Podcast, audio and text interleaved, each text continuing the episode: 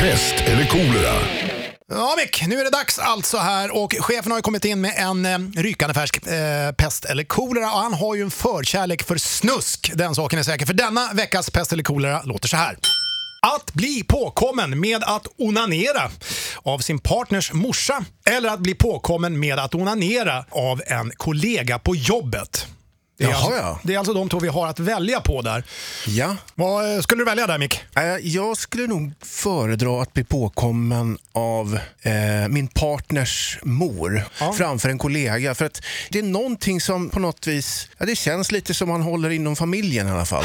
Då, på något sätt. Jag vet inte hur jag ska, hur jag ska beskriva det. Ja, ja, ja. Du då? Har du något? Ja, alltså, jag känner väl så här att eh, blir man påkommen på jobbet och man står och flår hanen så att säga, så känns det ju som att eh, chansen är större att ryktet sprids över hela jävla firman. Där man, eh, varje gång man går ut i korridoren så tittar man över axeln och funderar, vad fan, undrar om eh, Nisse på ekonomiavdelningen eh, vet om det här med eh, avrunkningen där så att säga. Medan man blir påkommen av svärmorsan så, så är kanske risken lite mindre att det sprids vidare i, i släkten. Där. Ja, Precis, jag förstår, men man vill ju inte bli kallad för onaneraren Nej, på jobbet. Sådär. Det är Nej. inte så kul. Och så fort man går på toaletten så, så tror de att nu går han in och runkar igen.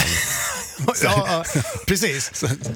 Ja, det, får nog, det får nog bli partnerns eh, morsa som får eh, komma på när man står och tajar i så fall. ja. Men du Mick, har inte du någon eh, ja, vad ska jag säga, liknande story där med din eh, gamla eh, svärmorsa eh, egentligen? Ja, ja, inte Ja. att jag stod och ner men eh, jag kröp ner i sängen. Och, Alltså? Ja, okej. ja, men du får berätta mer om det här eh, längre fram. Underbart. Ett poddtips från Podplay. I podden Något Kaiko garanterar östgötarna Brutti och jag, Davva, dig en stor dos skratt. Där följer jag pladask för köttätandet igen. Man är lite som en jävla vampyr. Man har fått lite blodsmak och då måste man ha mer.